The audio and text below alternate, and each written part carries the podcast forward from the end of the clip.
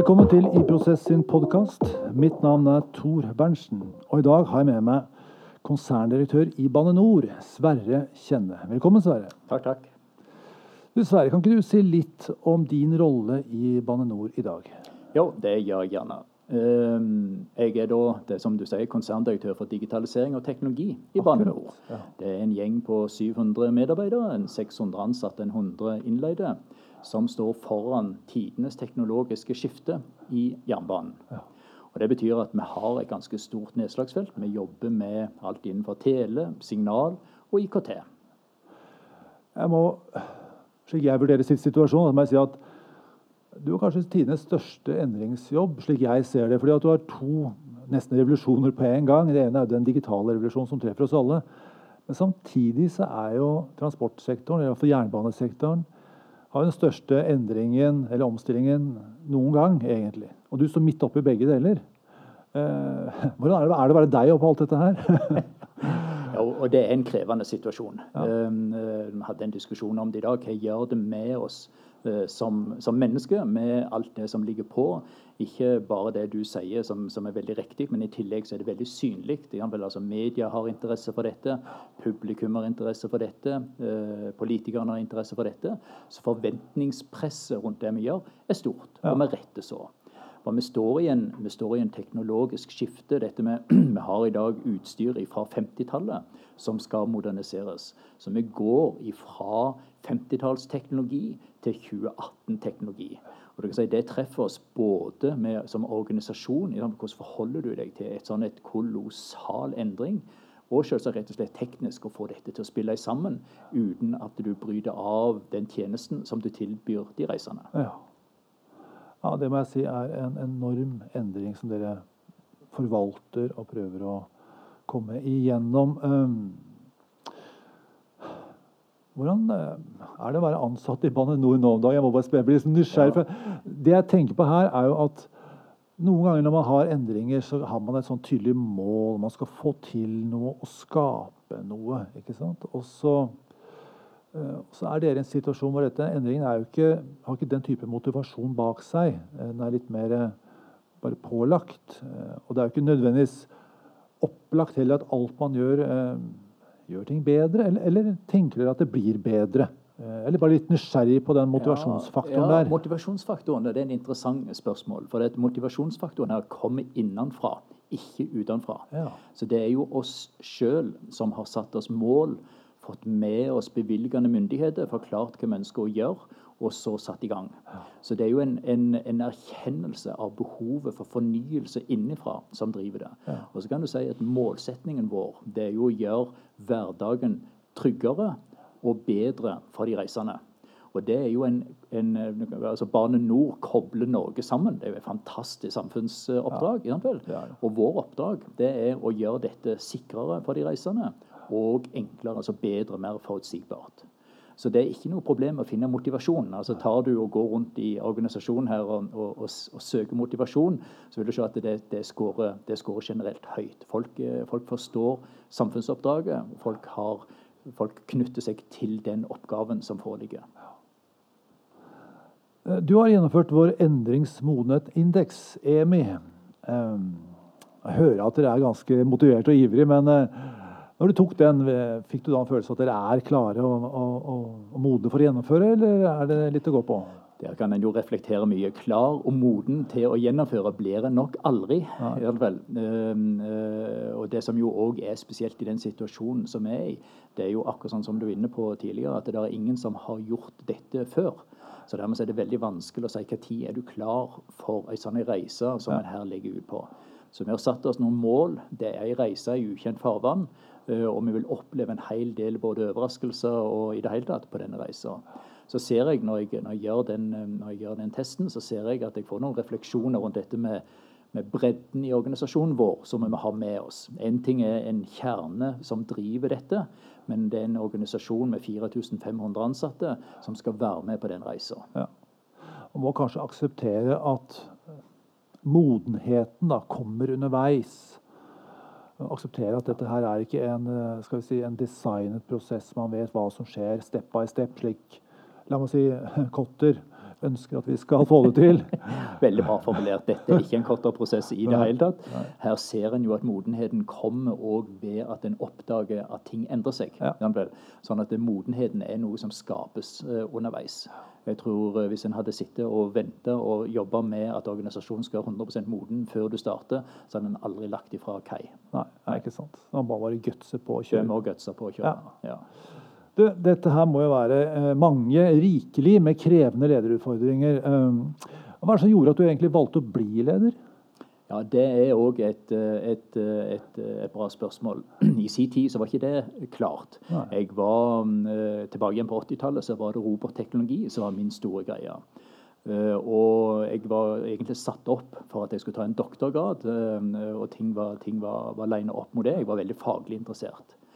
Så hadde jeg en episode med en leder en som heter Terje Velde. Både, både Terje Velde og Terje Høie, mine to ledere på, på Tall for robot, ga meg en formidabel eh, oppgave. Som jeg så jeg, eh, liksom sånn, Når vi sto midt oppi dette Spørsmålet var at vi hadde, vi hadde gått igjennom Jeg skal ikke dra hele historien, men det de sa liksom, vi har en vanskelig situasjon. Sverre, kan du fikse dette? Og Det er en sånn en fantastisk motiverende spørsmål når eh, sjefen kommer og spør kan du fikse dette. Vi har en stor utfordring. Uh, si hva du trenger, så støtter vi deg. Og ut av det så kom beslutningen om at jeg går heller og tar meg en MBA istedenfor en doktorgrad.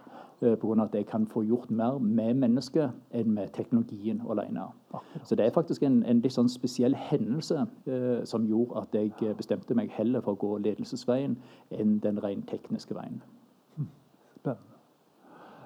Hva, hva tenker du er de største utfordringene for ledere sånn generelt sett i dag? Jeg, jeg, jeg sitter med en opplevelse at du har de største utfordringene på ditt fang, men, men eh, sånn generelt sett i samfunnet, hva tenker du om det? Eh, Jeg, min tanke der er at det, det å fokusere tror jeg faktisk er kanskje den største utfordringen en har. Ja. Det å kunne velge vekk og si nei til muligheter som kommer, og være veldig hard på hva er det du skal oppnå. Altså finne deg noen mål, fokusere, våge å si nei. Det er en krevende oppgave. For det kommer så mange muligheter din vei at du må være veldig veldig, veldig klar på hva er det som bidrar til å løfte deg mot det målet som du har, og hva er det som er en avsporing. Så Det er kanskje, kanskje den viktigste tingen. Eh, samtidig med dette med at du skal kunne kommunisere vel og få med deg mennesker. Det å kunne mobilisere folk til å bli med på den reisa som du ser er nødvendig. Det er kanskje de to tingene som jeg syns er, er, de største. Ja. Ja. Det er jo enorme ting som påvirker oss hele tiden. Eh, informasjonsflommen er jo ekstrem. Eh, det er viktig å kunne sortere enn å finne ting noen ganger. Eh, for det kommer treffer oss hele tiden, og mulighetsrommet er enormt. Ja. Eh, hva tenker du om dette? Det, det må jo treffe deg like mye som alle andre? Ja, det treffer nok meg eh, absolutt like mye som alle andre. Kanskje bare vel så det. Jeg gjør vel for det at eh, der er der er ikke måte på hva en kan engasjere seg i. Nei. Det er ikke måte på hva problemstillinger vi kan ta opp. Og jeg må jo si personlig, En av de store utfordringene jeg har i min jobb, det er å vite hvor jeg doserer min tid. Altså hvor bruker jeg min tid mest effektivt. For det at jeg kan, jeg kan, jeg kan fort dosere meg for tynt på veldig mange forskjellige aktiviteter. Så den evnen til å kunne si nei, den evnen til å kunne legge vekk ting og si at det får vi ta seinere ja. vel, Det er en sånn en, de viktigste tingene først. Når vi har fått gjort det, så beveger vi oss videre til neste sak. Det er, en, eh, det er komplisert, for at en ser, en ser saker som ikke fungerer optimalt. Som jeg tenker dette skulle jeg ha gjort noe med, men jeg vet at hvis jeg tar tak i det, så går det ut over den hovedaktiviteten jeg har. Ja. Så det å kunne si nei både til gode forslag som kommer inn, eh, det å kunne si nei til forbedringstiltak som en burde gjøre, eh, kun ene og alene fordi at en har behov for å fokusere for å ha enda mer kraft på det som er enda viktigere, det er faktisk en av de største utfordringene jeg har i 2018. Ja, ja det skjønner jeg. Det, for ledere driver jo ikke med uviktige ting. Alt er viktig, og det meste er spesielt viktig. Men selv der så er det et lite nivå helt på toppen, da, som er der du skal bruke din tid. Og hvis man ikke er veldig kritisk på det, så, så går det egentlig et hav av tid til det som er på nummer to-lista. Er det, er det riktig ja, forstått? Ja, og, det er den, men jeg, og, og, poenget mitt er at du mister gjennomføringskraft. Ja. Noe av det viktigste som en leder, det er jo å kunne finne ut hvor er det jeg har behov for min gjennomføringskraft for å virkelig få beveget noe. Uh, for dette, Hva er grunnen til behovet for fokus? Det er jo å kunne få gjennomføringskraft på de tingene du ønsker å få gjennomført. Um, uh, og det er jo nettopp der en ser at jo færre ting du konsentrerer deg om, jo større gjennomføringskraft har du på akkurat de tingene du velger ut. Og jo viktigere er det at du velger akkurat de tingene som har den høyeste betydningen for den organisasjonen du står midt oppi. Hva tenker du da om uh, ene er det jeg hører du si at det er ekstremt viktig å gjøre grundig arbeid i å prioritere riktig. Samtidig som du tar en, etter valg tar en prioritering, så vil du jo hele tiden bli ut, kontinuerlig utfordret i hverdagen.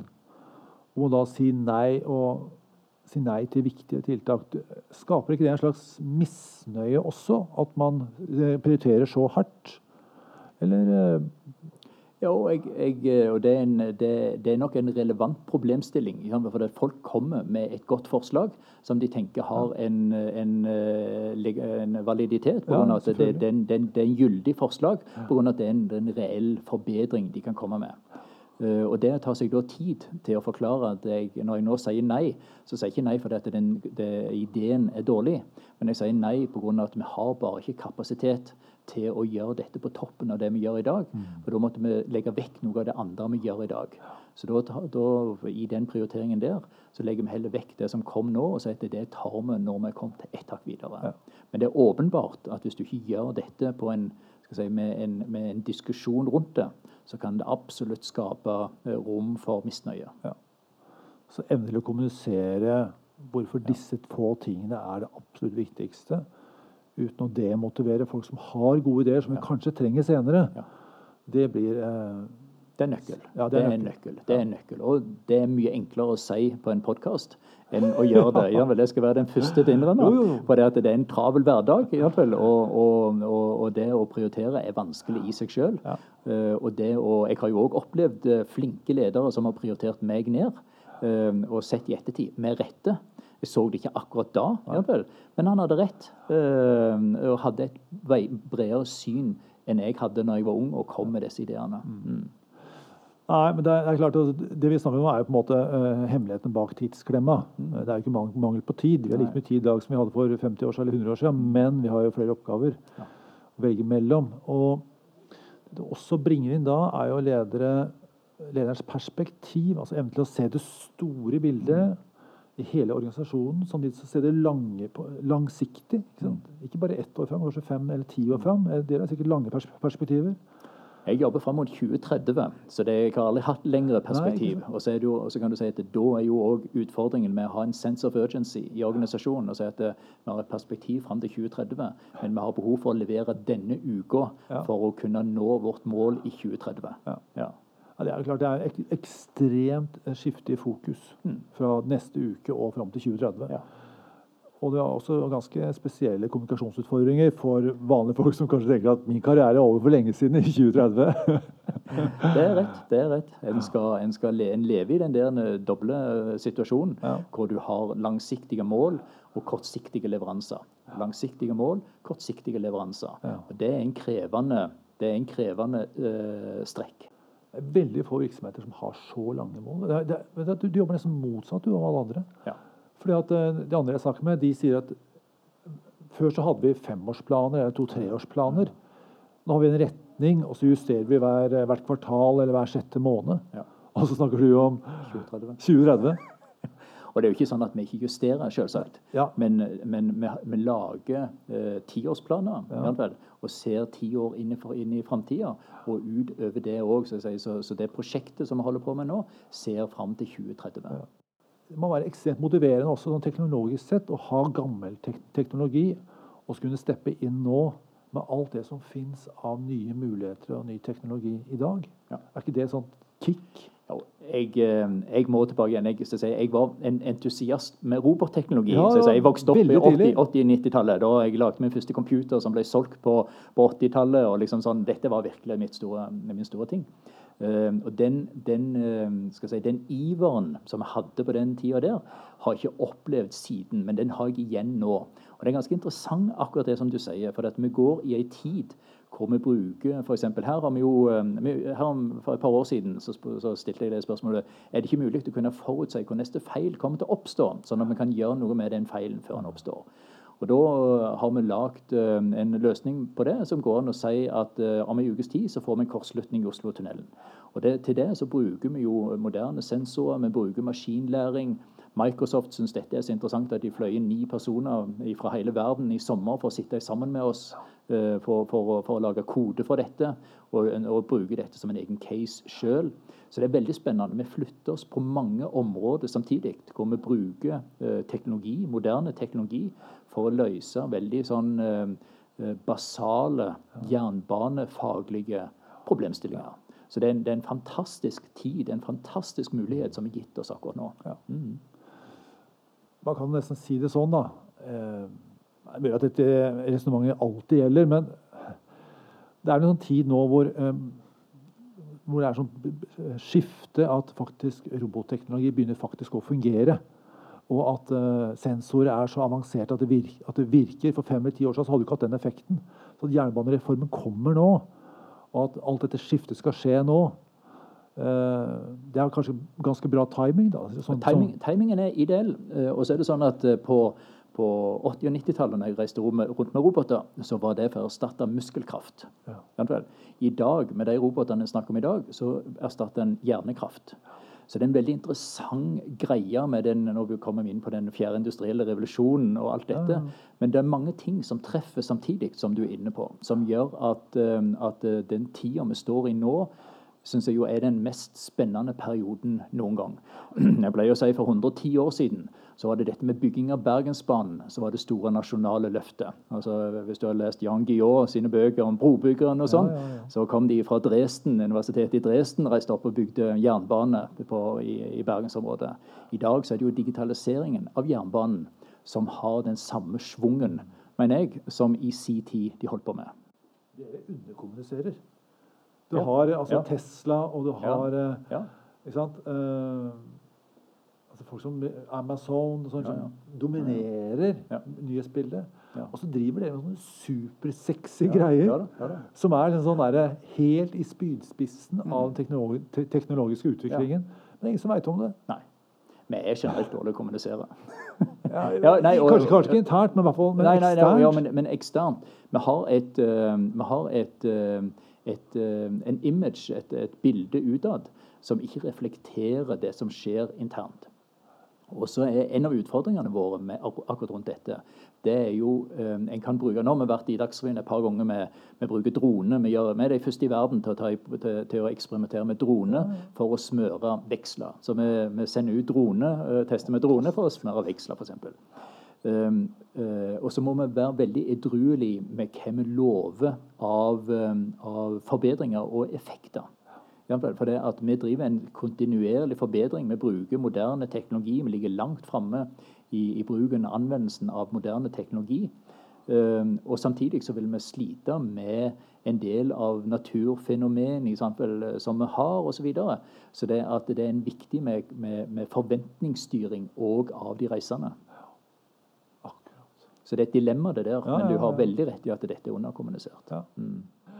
For ti år siden så syns jeg det gikk en sånn der, var en sånn generell oppfatning om at telesektoren eh, var ganske sexy. Det var spennende å mm. jobbe der. Det skjedde ja, ja, mye. ikke sant? Med nye mobiltelefoner og alt sånt. Der skjedde ting. Men sånn som du snakker nå, så er det nesten at denne transportsektoren har sin det er glansperiode nå. Ja, glansperiode ja, ja. Men det er akkurat du treffer, du treffer med det. Veldig riktig observasjon. For det er mange ting som treffer samtidig. Altså En ting er dette behovet for fornyelse av de signalsystemene. Den andre er det som kommer med den fjerde industrielle revolusjonen, som muliggjør dette med bruk av sensorer, maskinlæring, kunstig intelligens uh, inn mot jernbanen. Så får det en jernbanereform hvor vi blir et foretak, hvor en òg får enda mer fokus på dette med effektivitet og hvordan, hvordan driver en ting videre. Ja. Så det er mange ting som kommer sammen i ett punkt. Mm. Ja. Så det har kanskje hatt et rykte på det på å være litt sånn trygge og trauste, men i fremtiden nå så vil det være nyskapende og, og framtidsrettet. Ja, det, sånn som jeg ser det, som er en innovativt eh, teknologiforetak. Ja. Ja, sant? Ja, vi er et innovativt teknologiforetak. Er det det er? Verken mer eller mindre. Ikke sant? Det er bra. Ja. Altså, du sitter i et rom med en, med en romdeler, og så sitter to mennesker og prater der. Den ene er ny og kjenner egentlig ikke det hele tatt. Den andre er eh, erfaren som har vært der lenge og kjenner deg veldig godt. Og så rusler du forbi denne. De ser ikke at du er der. Og så sitter de og snakker om deg. Du hører det, da. Så jeg ser fra det scenarioet her nå.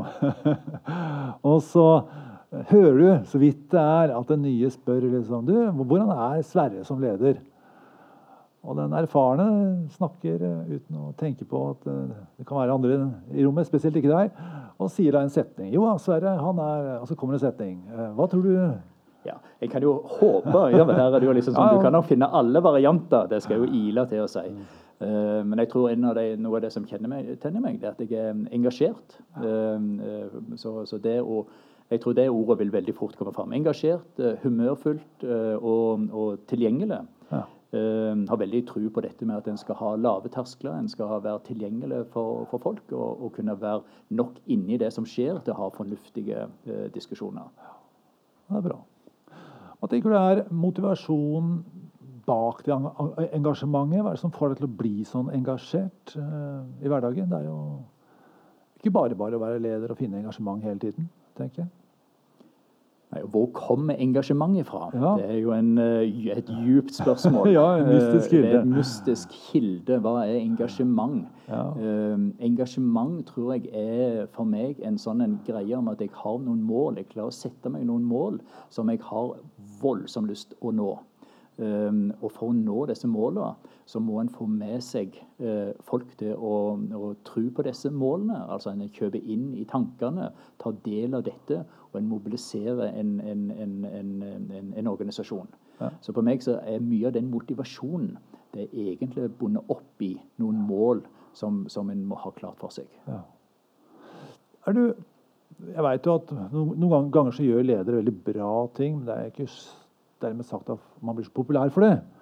Og bra behøver ikke alltid være bra for alle. Det kan være bra for noen, ikke for alle. Så er du flink til å, å si, uh, gi deg sjøl anerkjennelse sånn i det stille? At du sier at 'dette her, Besvare, det var bra jobba'. Eller Som, som menneske er jeg nok flinkere å kritisere meg sjøl enn til å rose meg sjøl. Ja vel, akkurat. Um, uh, og det er, en, uh, det er et tema. Ja. Um, jeg skulle nok innimellom hatt behov for å sette seg ned og, og sett på, på ting som, en, som går godt òg. Det gjør han jo for all del.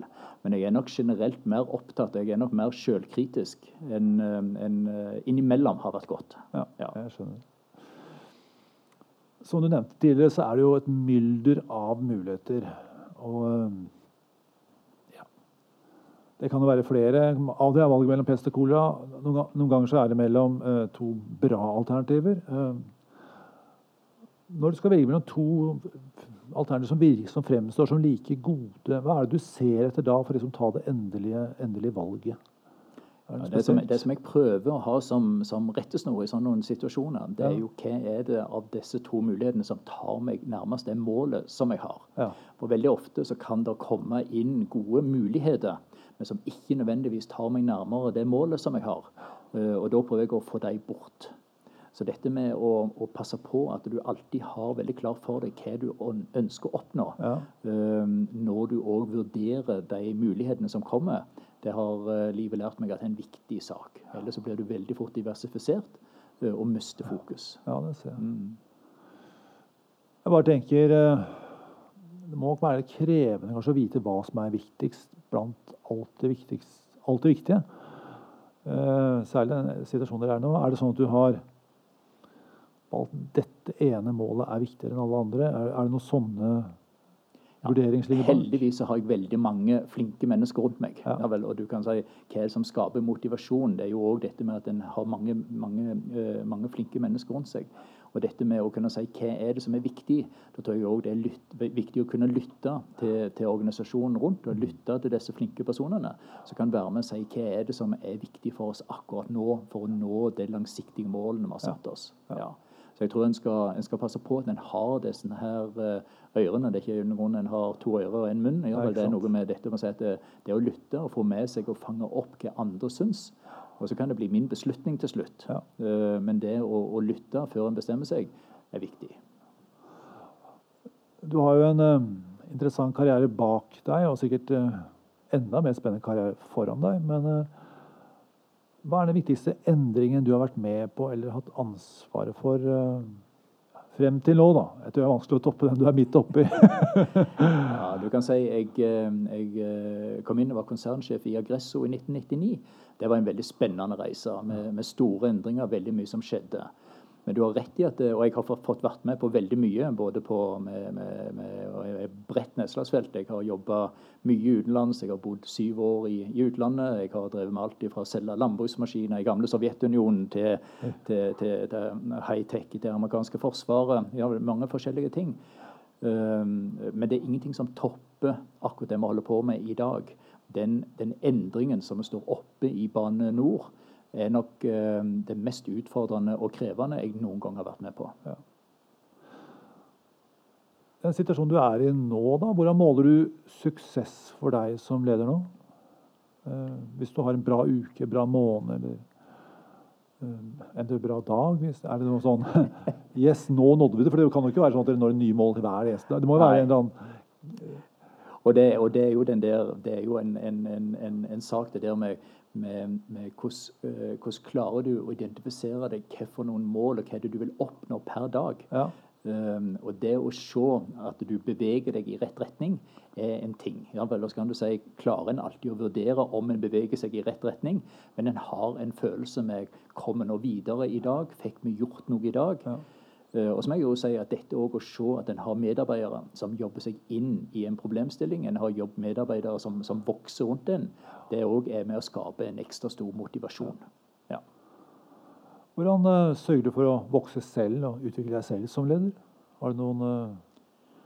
Ja, jeg uh, Den største kilden min til å utvikle meg som leder er gjennom dyktige folk som jeg jobber sammen med, og at vi velger har si, vi har fått, fått vært med og har veldig utfordrende oppgaver, så er det definitivt 'training on the job' ja.